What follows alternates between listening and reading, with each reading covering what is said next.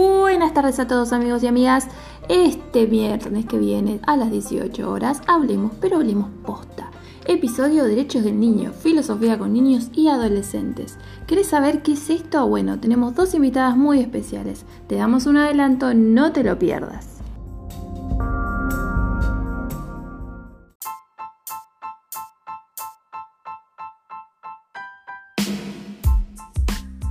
¿Tenés hijos, sobrinos, nietos, ahijados?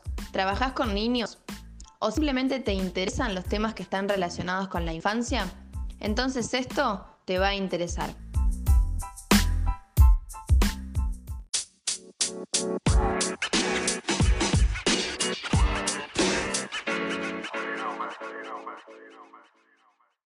¿Por qué es importante que los niños y las niñas conozcan sus derechos y sepan cómo defenderlos?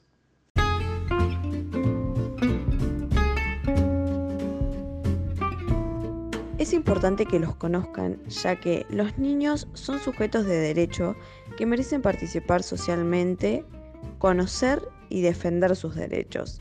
La mayoría de los niños sí se reconocen como sujetos de obligaciones, pero no como sujetos de derecho. Por eso, debemos darle importancia a brindarles herramientas para que puedan conocerlos y se apropien de estos derechos. ¿Y a qué nos referimos cuando hablamos de filosofía con niños y niñas en las aulas? ¿De qué se trata?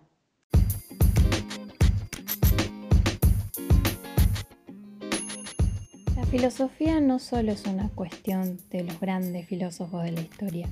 Todos hacemos filosofía, todos podemos hacer filosofía cuando preguntamos y reflexionamos acerca de la vida, acerca del porqué de las cosas, por ejemplo. Entonces, ¿qué mejor que reflexionar y preguntar dentro de la escuela, no?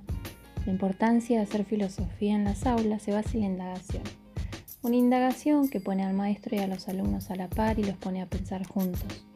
La filosofía con niños y niñas es una apertura al ejercicio de la crítica, la mirada que ésta implica y el pensamiento creativo.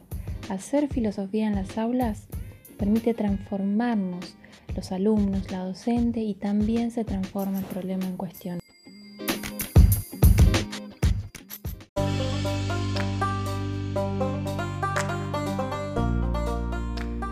Así que ya sabes, este viernes 18 horas te esperamos para seguir hablando acerca de estos temas.